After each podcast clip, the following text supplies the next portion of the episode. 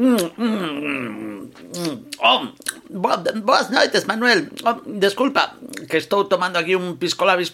Uh. Ah, xa está. É que, mira, é que aquí no Alén estamos eh, xa desconfinados un poquiño. E eh, fun a panadería do Alén, que está rexentada polo panadeiro do Titanic, que fai uns croissants de morte. ben, ok, ya. Pois na cola da panadería vin a dúas persoas que claramente se vía que non eran convivintes falando a un metro de distancia e coa máscara posta, pero con a riz forra da máscara. Inaudito, que iso é como non levar máscara. Entón chamei a atención a un deles con educación, iso sí, e dixenlle, mire, por favor, iso de levar a máscara así coa nariz forra, pois non, non sirve de moito, a verdade. E díxome, non se preocupe, que eu cando entro apoño, apoño ben. Entón eu dixenlle, mire, perdóneme vostede, pero iso é como se vostede vai no coche conducindo, co cinturrón de seguridade quitado, e só pon cando ve un control da Garda Civil. Non me fastidie. De levar máscara que levala ben, ten razón. Mira, por certo, hoxe non vou, non, non vou estar eu na, na entrevista que lle vas facer a, a Carlos Martín. Vai estar alguén que está moi interesado nesta entrevista e che vai mandar as súas preguntiñas. Sabes quen é? Non. Nin máis nin menos que Robert Koch. Toma. O descubridor do vacilo da tuberculose. Ese, ese. Pareceume moito máis indicado. Din yo toque e díxome... Claro que sí, encantado. Bueno, a voceciña esa que ten el. E entón vostede que vai facer no programa, Lobo? Ah, pois eh, vou facer a miña sección a boa surprise, ou seja, unha chamada ao asalto a un divulgador ou divulgadora divulgadora con moito glamour bueno, non dou máis pistas mm.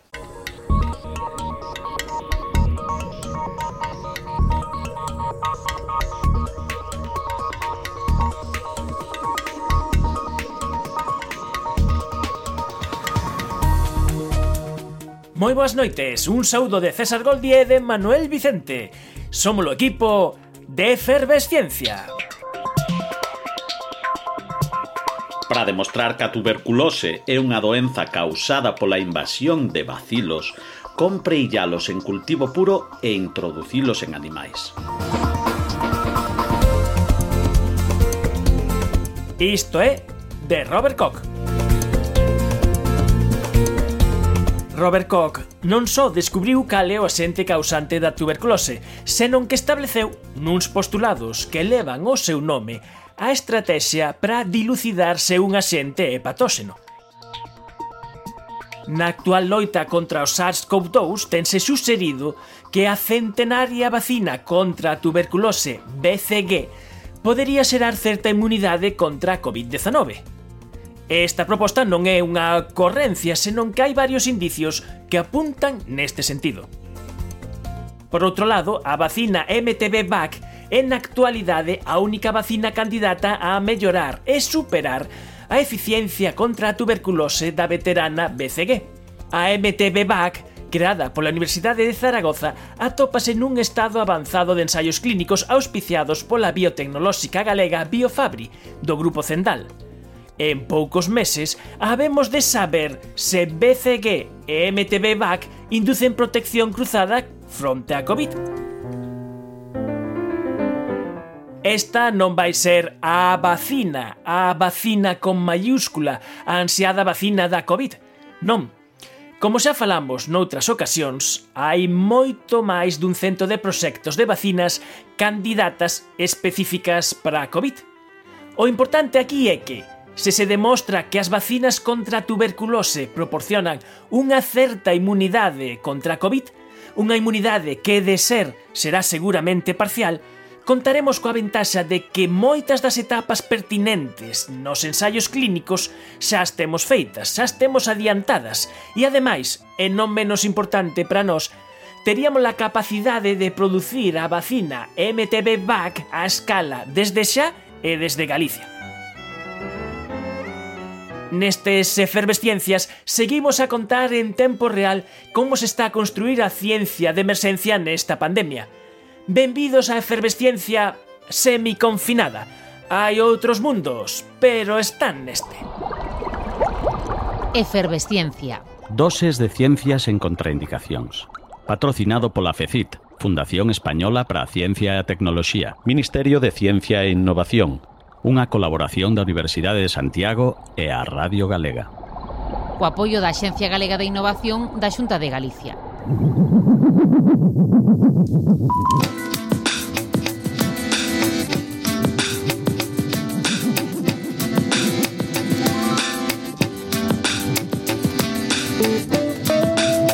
Levamos xa semanas coa epidemia da COVID-19 que están supoñendo toda unha crise, unha crise global. Pero eso non quere dicir que o resto das doenzas que, que temos no noso mundo teñan desaparecido. Seguen a estar aí. Entre elas a tuberculose, que é unha doenza que leva a vida cada ano en todo o mundo calcúlase que a un millón e medio de persoas. E por iso é tan importante que as investigacións sobre estas doenzas poden seguir o seu curso.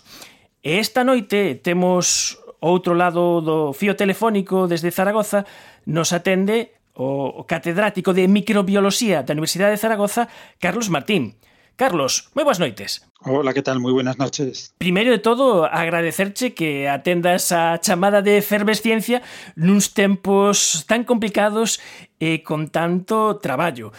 Con Carlos Martín eh, falábamos en Efervesciencia hai seis anos porque dirixe o grupo de Senética de Micobacterias da Universidade de Zaragoza e levan xa, eh, bueno, casi máis de 20 anos facendo o desenvolvemento dunha nova vacina contra a tuberculose.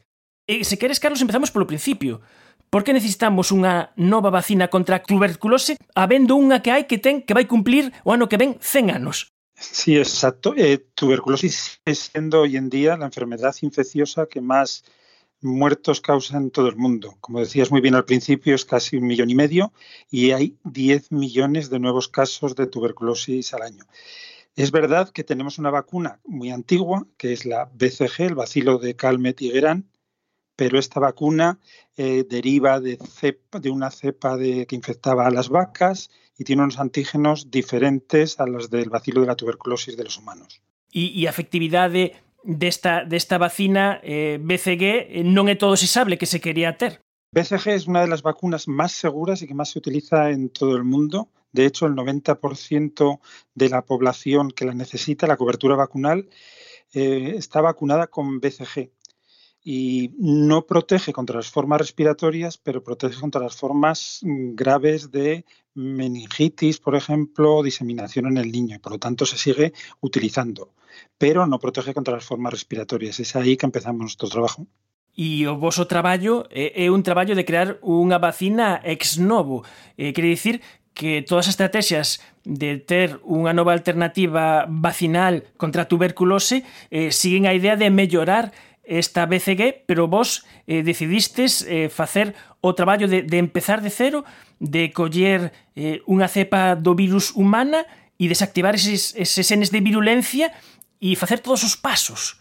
Es exacto, porque vimos que la cepa que derivaba de las vacas perdía muchos genes que son necesarios para reconocer la enfermedad.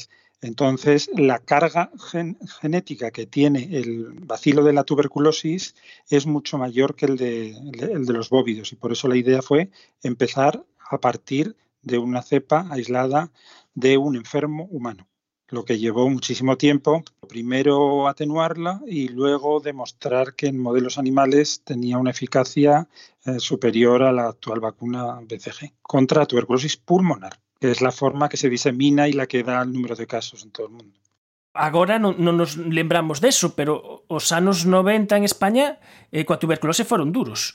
Fueron moi duros, sobre todo asociación con SIDA, cuando no había tratamiento, Y actualmente en África pasa lo mismo, porque se necesita una inmunidad celular para defenderse de tuberculosis. Y en África lo que vemos hoy en día que las personas están infectadas de SIDA, pero mueren de tuberculosis y mueren de casos de tuberculosis que en muchos casos son resistentes a los fármacos y no se puede tratar con el tratamiento convencional que tenemos hoy en día, que es muy largo, pero suele ser eficaz, excepto en los casos de resistencia. E precisamente eh, sobre eso eh, temos eh, unha pregunta que nos chegou dun xeito un tanto diferente porque eh, Cando hai seis anos eh, falábamos co profesor Carlos Martín, eh, tivemos de convidado especial a Robert Koch, dende o Alén, que desta vez non pode estar, pero nos manda unha mensaxe que nos deixou gravada. Boas noites, Manuel. Eu son Robert Koch. Eh, permíteme a intromisión, pero non querría deixar pasar a oportunidade de, de estar nesta, nesta entrevista con, con Carlos Martín. Como xa estivera hai seis anos, recordas, en efervesciencia, e como non me poden deixar sair por culpa do confinamento, pois envío esta mensaxe. E cunha pregunta. A miña pregunta é, dado que a, o vacilo do, da tuberculose tan resistente aos antibióticos e ten esa capacidade de, de adaptación, eh, pensar os seres humanos en que se aparece unha cepa de bacilo de tuberculose moi, moi, moi resistente aos antibióticos, deberíamos pensar nunha nova pandemia, pero esta vez de tuberculose? Menuda pregunta, Carlos. Pues es exacto, porque la tuberculosis, si tuviésemos las cifras que tenemos ahora y no tuviese un tratamiento, sería sin una vacuna sería muy difícil de, de, luchar con ella, porque las vacunas, a diferencia de los antibióticos, no, se, no generan resistencia y por lo tanto, por lo menos hasta ahora, las vacunas lo que nos van a hacer es aumentar el sistema inmunológico y podríamos parar una, una infección producida por bacilo de la tuberculosis multiresistente o totalmente resistente, como se han descrito desde principios del siglo XXI en algunos países de África. Agora, coa epidemia da COVID, eh, estamos prestando moitísima atención o desenvolvemento eh, que supón facer as vacinas. E, e sabemos que para que unha vacina chegue a ser usada eh, necesita pasar un longo proceso desde primeiro probas en animais, logo ensaios clínicos e logo eh, poder ser viable a súa fabricación. No caso de desta de nova vacina contra a tuberculose MTB-VAC, eh, temos que dicir que esa vacina, se ao final se consigue que comprobar todos os pasos de seguridade e eficacia, vaise fabricar no Porriño. Eh, Esteban Rodríguez, moi boas noites. Buenas noches. Eh, Esteban Rodríguez é o director xeral de Biofabri. Biofabri é unha empresa do grupo biofarmacéutico galego Zendal. E vos tedes a exclusividade sobre esta eh, nova vacina estades facendo un forte investimento en que as probas clínicas se poidan eh, levar adiante. Levades traballando co grupo de Carlos Martín moitos anos. Efectivamente. Nosotros empezamos con el grupo del doctor Carlos Martín en el 2008 cuando eh, nos presentó la cepa que había preparado eh, mediante ingeniería genética y el perfil que nos presentó y las posibilidades que nos parecieron podían ser muy útiles para que constituyese una vacuna fue lo que nos indujo a tomar la decisión de hacer las inversiones necesarias tanto en las pruebas clínicas como en, en los eh, medios técnicos e industriales para llevarlo a, al mercado. Hai que dicir que vos levades casi eh, eh, medio século traballando con esta clase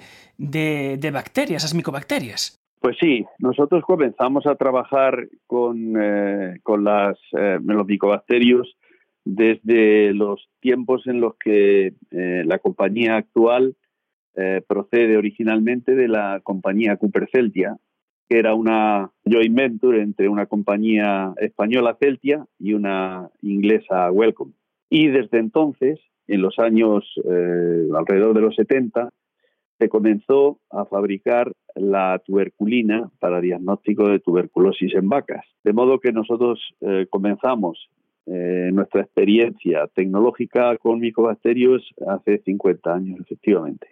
seguides tamén encabezando a produción mundial de, de, de tuberculina. Efectivamente, el 70% aproximadamente de las tuberculinas que se utilizan en el mundo se fabrican aquí en Porriño. Y a título anecdótico, la mayor planta de producción de micobacterias que hay en el mundo la tenemos aquí en Porriño, efectivamente. Entón está clara esa asociación entre eh, o grupo da Universidade de Zaragoza eh, de, de Carlos e, e, e Bosa, unha asociación eh, na que está a parte científica da Universidade de Zaragoza e vos a parte de desenvolvemento e, e tamén unha parte moi importante que é eh, implementar os estudos clínicos que é algo que require unha gran logística e require unha gran cantidad de cartos. Cando falábamos hai seis anos andabades pola fase 1 que a fase de empezando a fase de seguridade.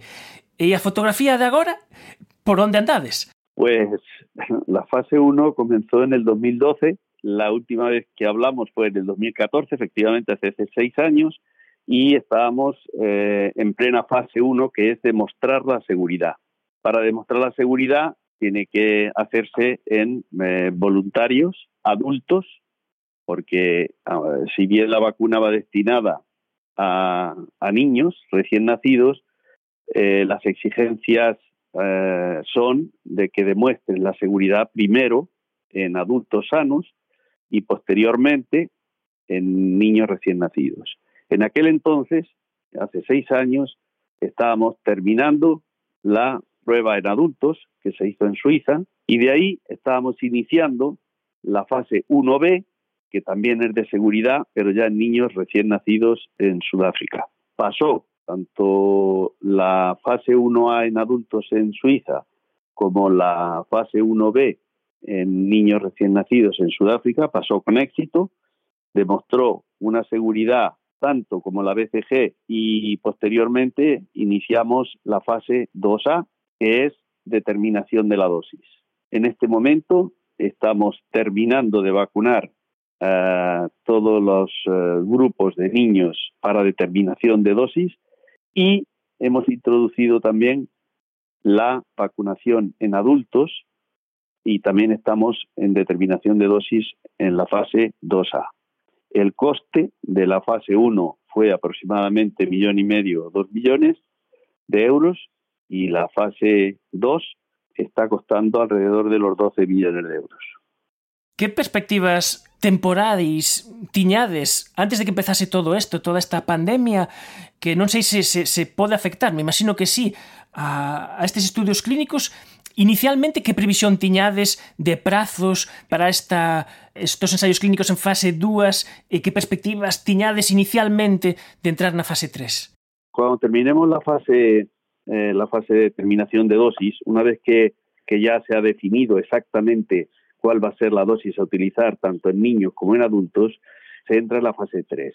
En este momento, el protocolo de la prueba de la fase 3 en niños está totalmente terminado, está negociándose en este momento con la Agencia Europea del Medicamento, se está negociando el que eh, todo lo que figura en el protocolo es eh, asumible por las agencias de, que hacen el registro de los productos, el registro de las vacunas, y como consecuencia, inmediatamente que ese protocolo esté totalmente aceptado por la Agencia Europea del Medicamento, ese, se someterá a Sudáfrica, porque allí es donde se va a hacer la fase 3 en 6.500 bebés. Y la idea es que comience al final de, de, terminar la fase esta 2A de determinación de dosis, que creemos que todo se terminará en el año 2021, o sea, el próximo año, y a finales del próximo año iniciaremos la fase 3. Que serían 100 años exactos desde que Carmet y Gran iniciaron los primeros estudios en bebés con la actual vacuna BCG. O que sí anima, supoño que en este proceso é ver que os diferentes as diferentes metas volantes se van alcanzando con suficiencia. Eh, cuando nosotros iniciamos con el grupo del de, doctor Carlos Martín, iniciamos eh, la aventura de ir adelante con esta vacuna, había aproximadamente 700 proyectos en todo el mundo para preparar una vacuna que fuera más eficaz que la actual BCG. En el 2008 Al pasar de los años, los 700 proyectos fueron decayendo. Hace aproximadamente dos años solo quedaban 40 y en este momento, desde hace ya unos meses, la Entivivac es la primera y única vacuna de Mycobacterium tuberculosis en el portfolio de vacunas contra tuberculosis en todo el mundo.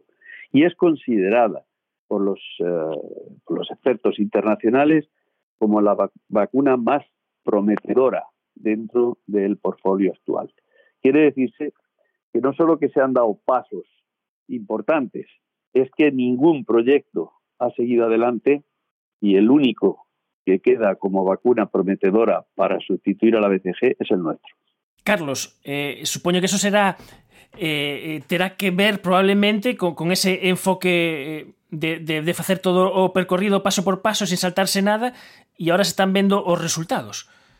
¿No? Es, exacto, y bueno, y tenemos la gran fortuna de haber encontrado una empresa que se ha interesado por una investigación básica. Yo creo que siempre se habla del Valle de la Muerte cuando las universidades estamos investigando en algo, pero realmente tiene que haber ahí el siguiente paso, que es el desarrollo industrial y desarrollo clínico, que en nuestro caso estamos bastante contentos porque yo creo que puede explicarlo Esteban Rodríguez que eh, hay muy poquitas fábricas de vacunas en, nuestro entorno. Eh, concretamente, eh, en España, la compañía nuestra, que es eh, Biofabri, en combinación con CZ Vaccine, que es el, el lugar donde se fabrican vacunas veterinarias y humanas, Biofabri es la única compañía autorizada por la Agencia Española del Medicamento para fabricar vacunas humanas bajo condiciones GMP que hay en España. Es decir, no hay ninguna compañía.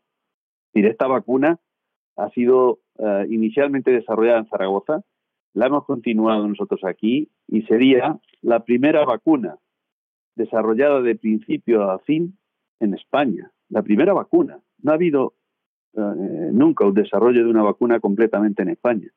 Este sería la primera quería comentarle a Manuel que en estos tiempos de COVID que estamos viendo que las necesidades que existen de material médico, de que cada país sea capaz de, lo hemos visto con las máscaras, lo hemos visto con los medicamentos que se están tratando contra COVID, pero también con las vacunas, que es necesario que en Europa y concretamente si puede ser en España muchísimo mejor que haya la capacidad de producir vacunas cuando tenemos un, real, un problema real de salud pública. Y yo creo que es algo importantísimo el que nos demos cuenta de que la investigación básica y aplicada a la producción de productos farmacéuticos es esencial y es un plan estratégico que hay que seguir adelante con esta idea. Necesito con urgencia transfusión de efervescencia.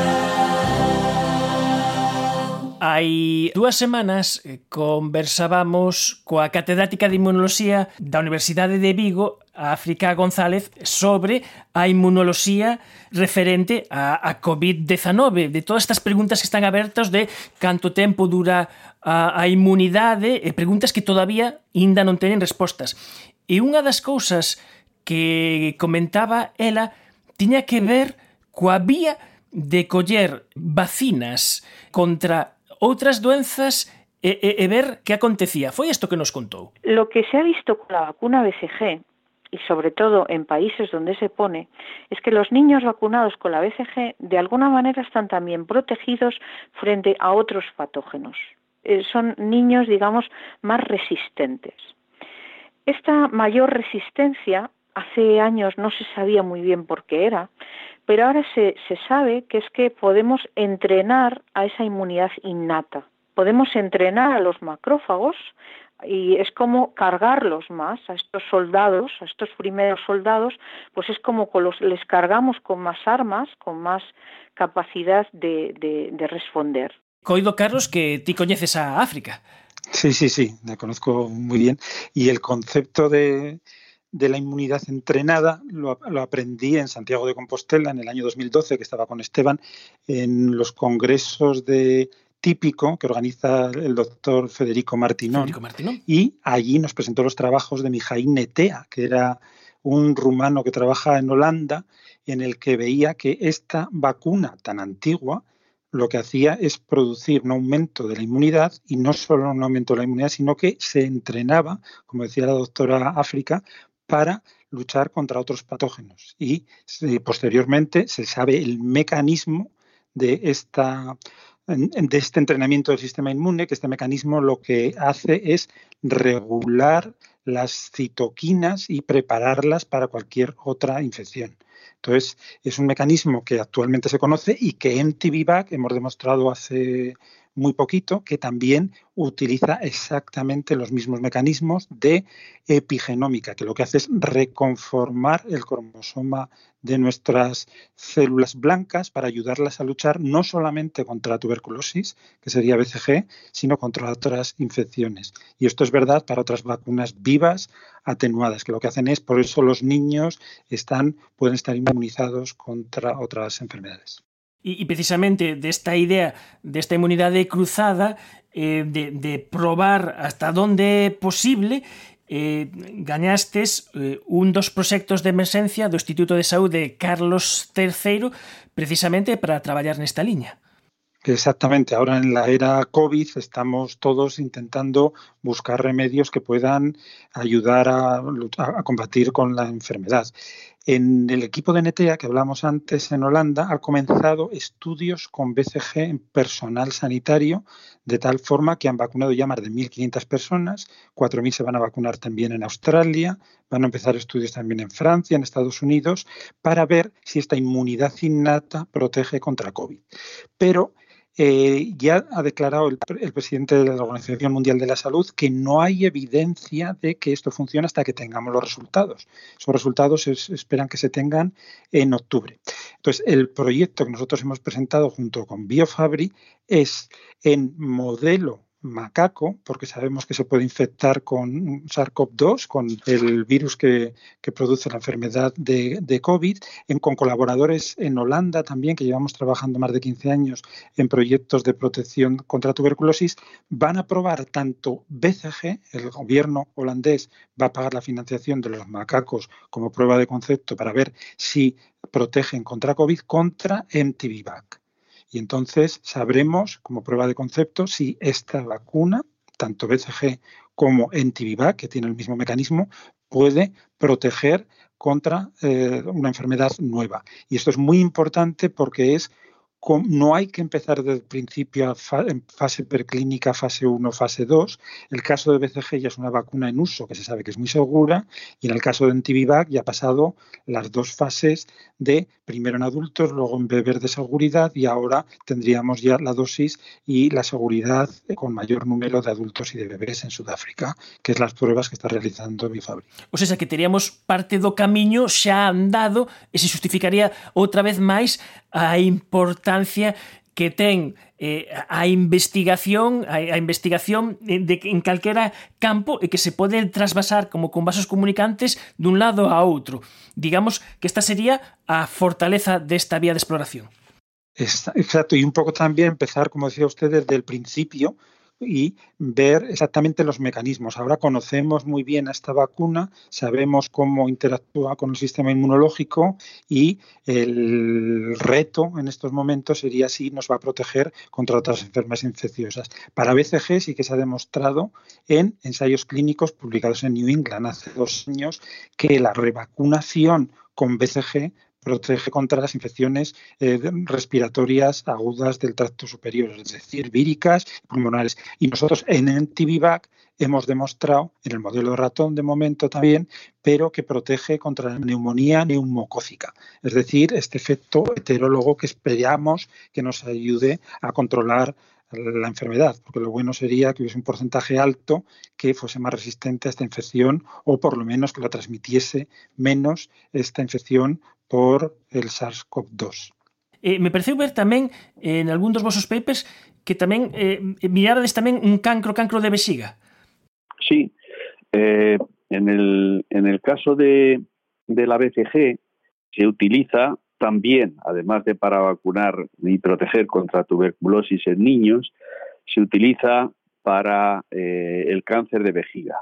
Esta vacuna eh, utilizada por vía intravesical, por vía uh, cisternal, por vía de la vejiga, lo que hace es estimular eh, el tejido interno de la vejiga para que se produzca una, uh, un, una, digamos, estimulación del sistema inmunológico y que las células que posiblemente hayan quedado después de una resección de un cáncer de vejiga, pues cualquier célula cancerosa que haya quedado eh, residual, pues este estímulo del sistema inmunológico hace que las, eh, las que llaman natural killer o células matadoras del sistema inmune elimine este resto y por lo tanto no se reproduzca el cáncer de vejiga. En el caso de la NTV-VAC, es un proyecto inmediatamente a, empezar, eh, si podemos, el, el, próximo año, de, eh, en lugar de la BCG, eh, utilizar la NTVVAC, porque en los trabajos que han realizado en Zaragoza el equipo del doctor Carlos Martín, ha demostrado que NTVVAC es mucho más, eh, con menor cantidad de vacuna que BCG, obtienes los mismos efectos en pruebas hechas en ratas, en modelos que ya existen para comprobación de, de este tema. Con lo cual, se puede conseguir que, como la BCG, uno de los problemas que tiene en el tratamiento de cáncer de vejiga es que algunos de los individuos durante el tratamiento, que es largo, porque es a lo largo de meses, algunos tienen que dejarlo por la cantidad de reacción adversa que tienen, en el caso de utilización de menos cantidad y ser una vacuna tan segura como ha demostrado la NTVVAC, nuestra hipótesis de trabajo es que será un tratamiento de elección para cáncer de vejiga mejor que la BCG. Estamos a conversar co catedrático de microbioloxía da Universidade de Zaragoza, Carlos Martín, e con Esteban Rodríguez, que é o director xeral de Biofabri. Biofabri, unha empresa con sede en Porriño, dentro do grupo biofarmacéutico galego Zendal. Eu quería agradecervos que estiverades esta noite eh, en efervesciencia e, e tamén, pois nada, darvos as grazas polo, polo voso traballo. Pois pues muchas gracias a vosotros por, por difundir eh, lo que es eh, una ciencia que además en este momento en donde con la confinación y con el, eh, el problema que tenemos encima con, uh, con el COVID-19, pues cualquier esfuerzo que se pueda hacer en favor de reducir los problemas que está produciendo, pues al, al, final es tratar de salvar vidas y daños económicos. Y esa es nuestra labor. Pues lo primero, darte las gracias también y por supuesto Mm, romper una lanza por lo que es la investigación básica, porque como decías antes, hay que probar todas las vías, pero no para descartarlas. Hay que probar todas las vías para conseguir demostrar que funcionan mejor.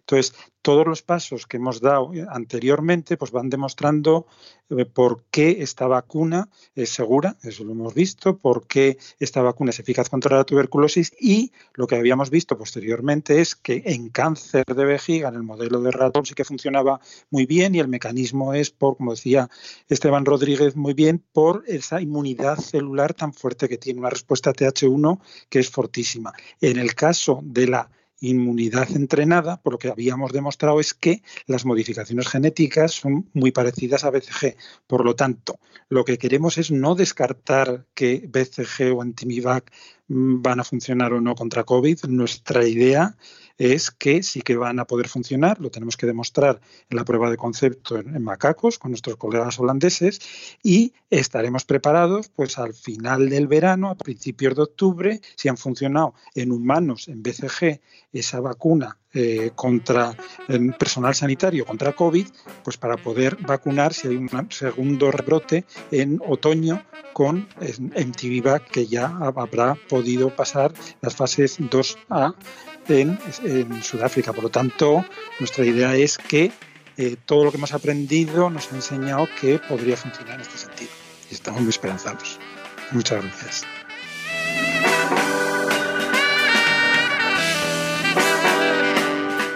a verdade que si sí dá moita esperanza e sobre todo escoitar esta perspectiva temporal que o mundo das vacinas é un mundo de que dá pasos moi lentos pero no vosso caso o traballo xa te desfeito da casa xa te desfeito de, de moitos anos e por eso este desenvolvemento sí que pode ser que, que poda chegar en moi pouco tempo en moi poucos meses eh, Carlos Esteban, unha aperta moi grande eh, Muchas gracias y muy buenas noches Muchas gracias, ¿eh? ha sido un verdadero placer. Muy buenas noches.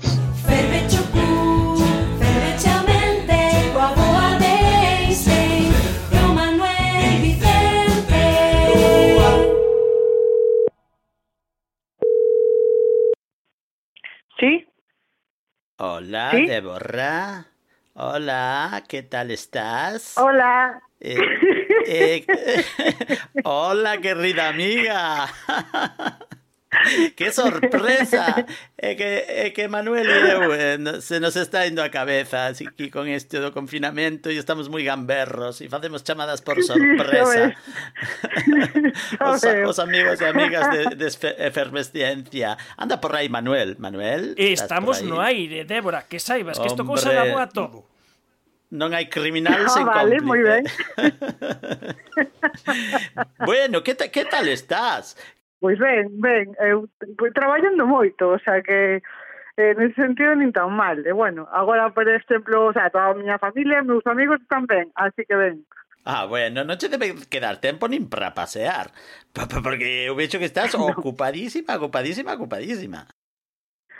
Pois sí, facendo moitísimas cousas, aproveitando o tempo, sí, non pensaría eu que, que non estaba así, ia, ia facer tantísimas cousas, pero sí, moito e tantas cousas como escribir un libro, así como que non di unha cousa así, un libro de emerxencia, eh, eh non tocar eh, sobre a crisis do coronavirus e eh, as perspectivas desde unha eh, divulgada científica explicando todo o contexto e eh, dando todo o coñecemento que hai, que hai eh, nese momento. Non sei como foi esa tolería. Eso deben ser das cousas que non se pensan moito e un se tira a piscina.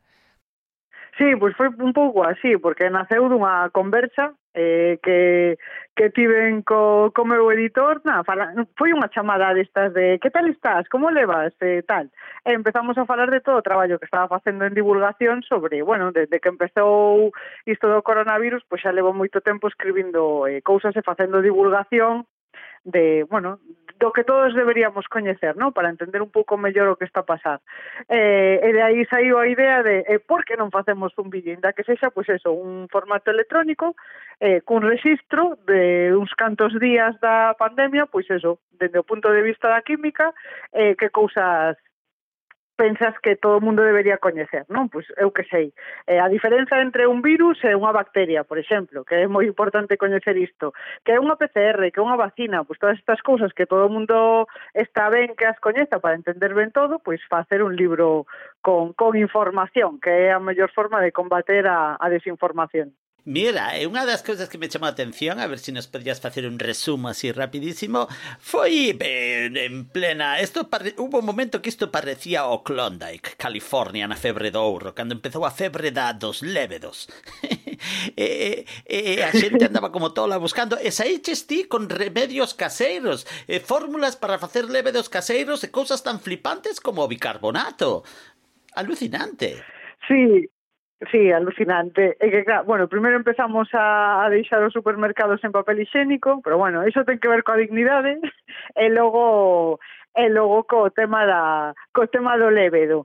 Eh, sí, porque volvímonos todos un pouco tolos a facer pan e a facernos reposteiros e, e deixamos esos sen lévedos e sen Sí, sen lévedo químico e sen lévedo de pan, que son dúas cousas un pouco diferentes, porque o lévedo do pan é un lévedo de verdade, é dicir, é unha cousa que está viva, e que, e que a que fai que, bueno, a que comeza a comer un pouco a fariña coa que facemos o pan, eh, bueno, eh, que gracias grazas a iso, pois eh, o pan ten burbullas, e eh, convirte parte deses carbohidratos en, en CO2 e demais.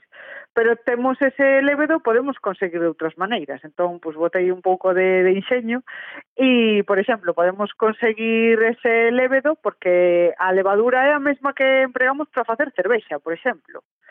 E o Saccharomyces cerevisiae Entón, é o mesmo o mesmo lévedo, e entón, por exemplo, puxenme en contacto de feito con con fabricante de cervexas para preguntarlle se algunha cervexa da que consumimos habitualmente ten lévedos vivos.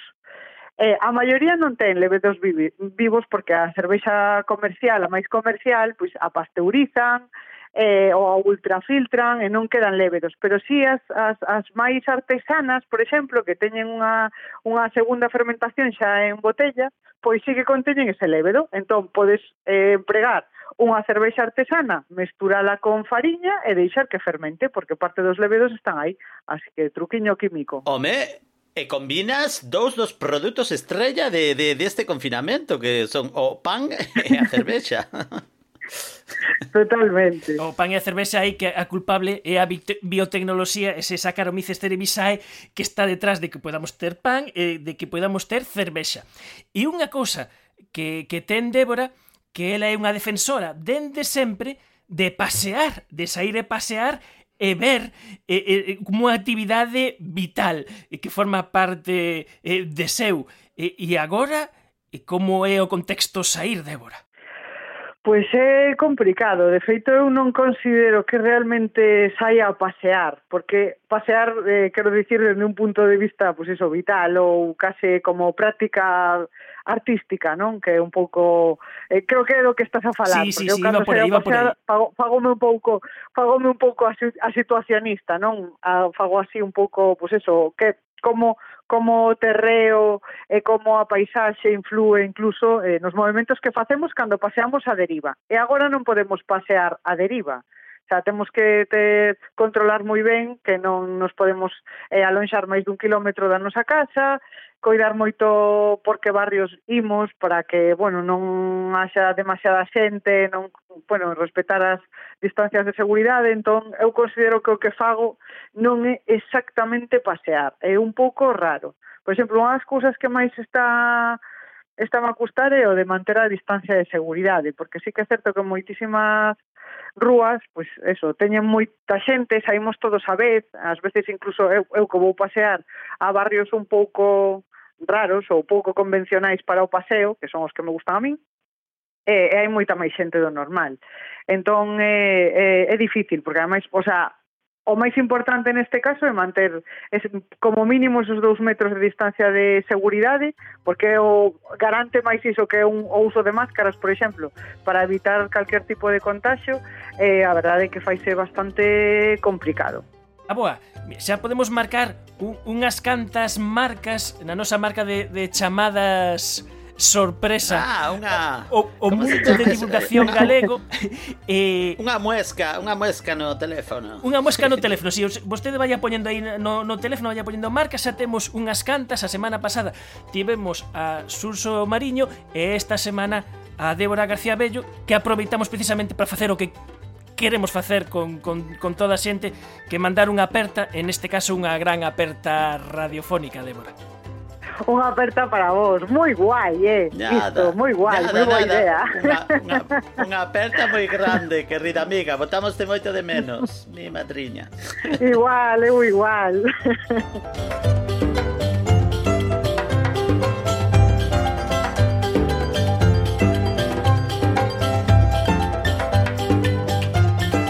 A ciencia na Radio Galega. Patricia Argerei é directora da Ciencia Galega de Innovación, o GAIM. Moi boas noites, Patricia. Moi boas noites a todos. E moitas grazas por nos atender nestas circunstancias. Bueno, é un placer para min que me deixades este, este espazo para poder falar de innovación. Pois de innovación imos falar e imos falar de que a última semana de marzo o GAIN fixo un chamamento o Sistema Galego de Innovación eh, solicitando propostas para loitar contra a COVID-19 e a semana pasada o Consello da Xunta aprobou precisamente a apoiar a oito desas solucións innovadoras. Patricia, como se levou a cabo este proceso este proceso de urxencia? Pois eh, efectivamente, eh, nos eh, reaccionamos dende a Agencia Galega de Innovación con moita rapidez. O día 20 de marzo lanzamos esta chamada que en realidade era eh, pois de unha cousa moi sinxela, eh, tratábase de abrir un espazo para que aqueles que tiñan ideas ou que podían ter solucións nos fixeran chegar esas ideas. Eh, eso foi a chamada, naquel momento non sabíamos como podíamos eh, encauzar, como podíamos apoiar aqueles proxectos, pero eh, pensábamos que tiñamos que ofrecer, eh, como digo, pois unha, unha forma, unha canle para que nos chegaran esas, eh, esas propostas dos axentes do sistema galego de I máis de máis I. Efectivamente, recibimos en sete días, porque estivo aberto dende o día 20 ata o día 27 de marzo, recibimos eh, 160 solicitudes válidas, E desas 100 solicitudes nos quedamos con 72 proxectos que foron cualificados como proxectos de innovación. E estes proxectos son os que tiveron un percorrido, se analizaron internamente, se analizaron tamén por parte de avaliadores especialistas externos e dende ese 27 de marzo que pechou esta chamada pois ata a semana pasada puidemos resolver esa fórmula de apoio a través de, de convenios de axuda directa para oito proxectos que son os que finalmente foron avaliados positivamente e que obtiveron unha mellor nota e todos estes proxectos pois supoñen un apoio de preto de 750.000 euros que son os que se puxeron en marcha. O criterio que había en riba da mesa é tamén avaliar a madurez dos proxectos que poidan ter un percorrido rápido no seu desenvolvemento. Efectivamente, eh, nos eh, eh, tiñamos varios eh, criterios que empregamos eh, para toda a chamada, tanto na selección de propostas como na avaliación posterior.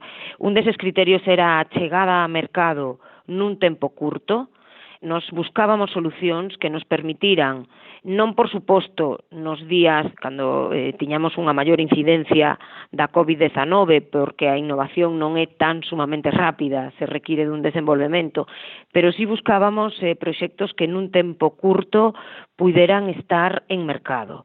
Eh, todos sabemos que, por desgracia, a COVID-19 pois ten unha expansión ao longo de todo o mundo e, por tanto, o mercado non é só Galicia. As necesidades non están só en Galicia, sino que están en todo o mundo. Por tanto, o que quixemos foi eh, dende a Xunta de Galicia, dende a Administración Pública, apoiar para que os axentes do Sistema Galego de Innovación podan desenvolver solucións que poidan chegar ao mercado, que poidan comercializar e que poidan pois resolver necesidades que, que surxiron pois eh, como unha novidade, posto que eh, todos sabemos que ninguén estaba preparado para, para, esta, para esta pandemia.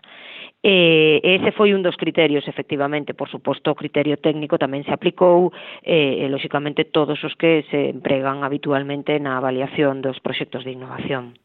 E o perfil destes oitos proxectos é moi diverso. Abranguen campos eh, moi diferentes, desde o deseño de novos tests rápidos que poidan ser eh, complementarios ou ter tanta fiabilidade como a PCR, pasando por cabinas esterilizadoras, ou mesmo o uso de UAPs de drones eh, para axudar a loitar contra a COVID. Eh, poderíamos facer eh, como un resumo rápido de que foron estes oito proxectos seleccionados. Pois sí, por suposto. A verdade é que, como ti ben dices, Manuel, eh, temos de, de todo tipo. Eh, nos buscábamos eh, fundamentalmente innovación, como digo, a innovación eh, pois eh, supón uns tempos de desenvolvemento máis curto, non é investigación, non ten que pasar por todas esas longas fases que supón, por exemplo, pois o descubrimento da vacina, etc. Por tanto, aquí temos solucións moito máis eh, inmediatas.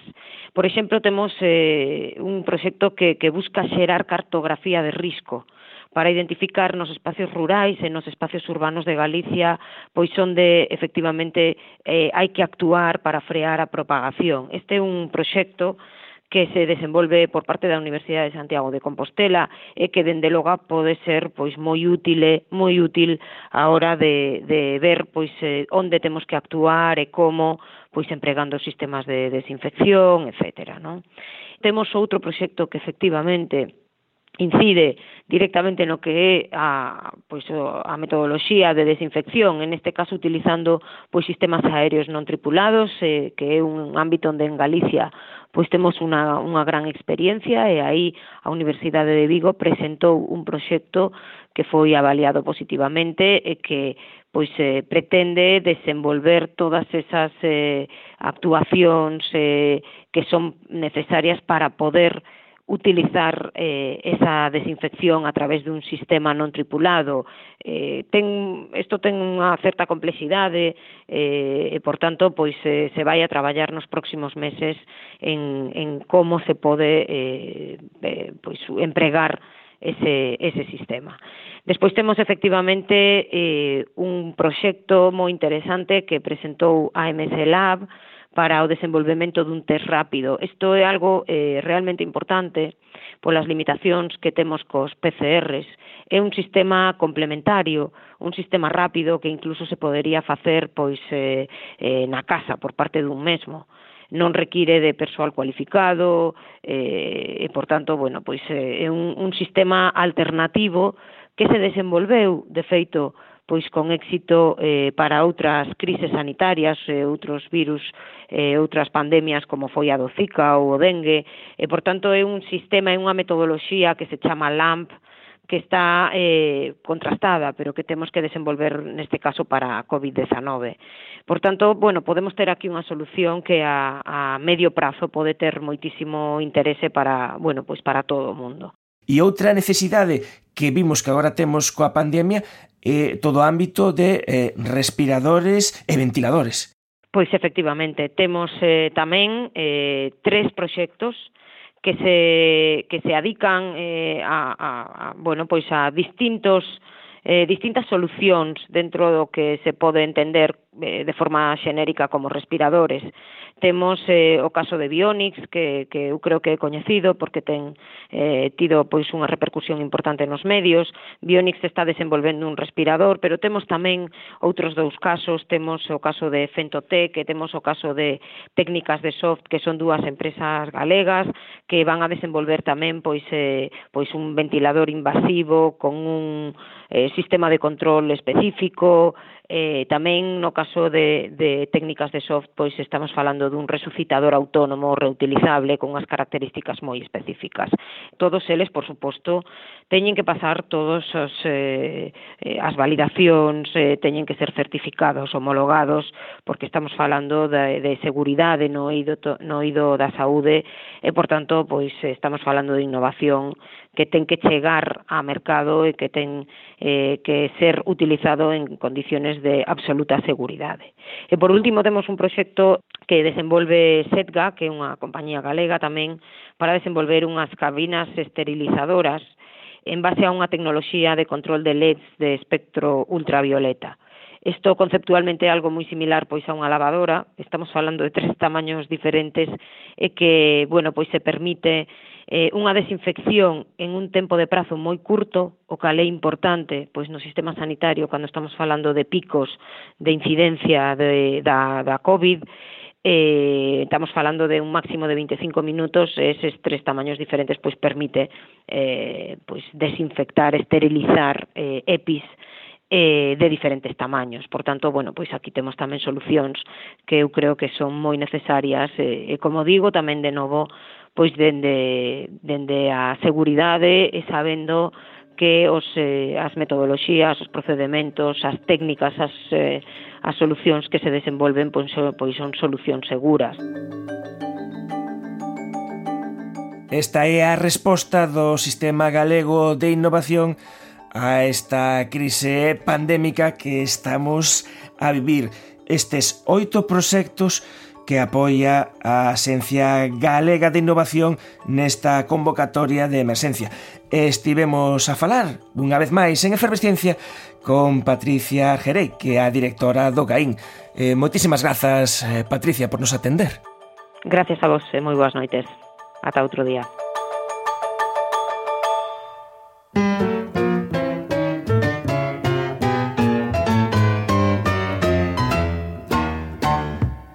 Efervesciencia. Patrocinado pola FECIT, Fundación Española para a Ciencia e a Tecnoloxía, Ministerio de Ciencia e Innovación, unha colaboración da Universidade de Santiago e a Radio Galega. O apoio da Axencia Galega de Innovación da Xunta de Galicia. Ben, Manuel, despídome e non esquezades por aí abaixo lavar ben as mans, utilizar ben as máscaras e distancia. Ata semana. Escoitámonos na Radio Galega. Adeus. Adeus.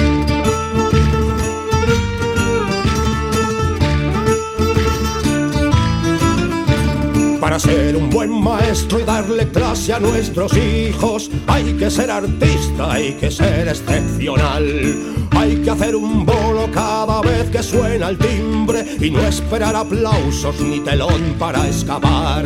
No eres camarero por servirme unas cañitas, hay que ser artista, hay que ser excepcional. Hay que tener ritmo ni despacio ni deprisa y con una sonrisa servir pronto el calamar. Para ser bombera, para ser un leñador, para ser buena librera, para ser buen conductor, para ser chafista, para ser un buen pintor. Hay que ser artista, hay que hacerlo con amor.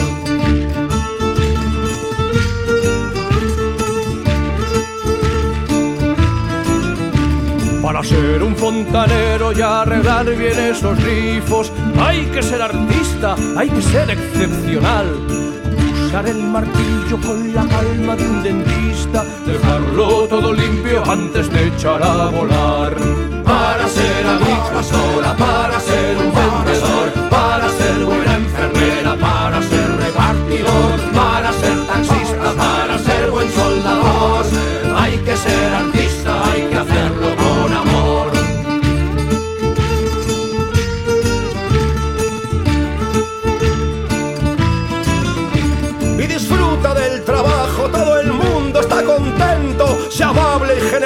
sin perder nunca el control y derrocha tu energía, es un gozo ser sincero, otra cosa es lo que cobras por dejarte el corazón.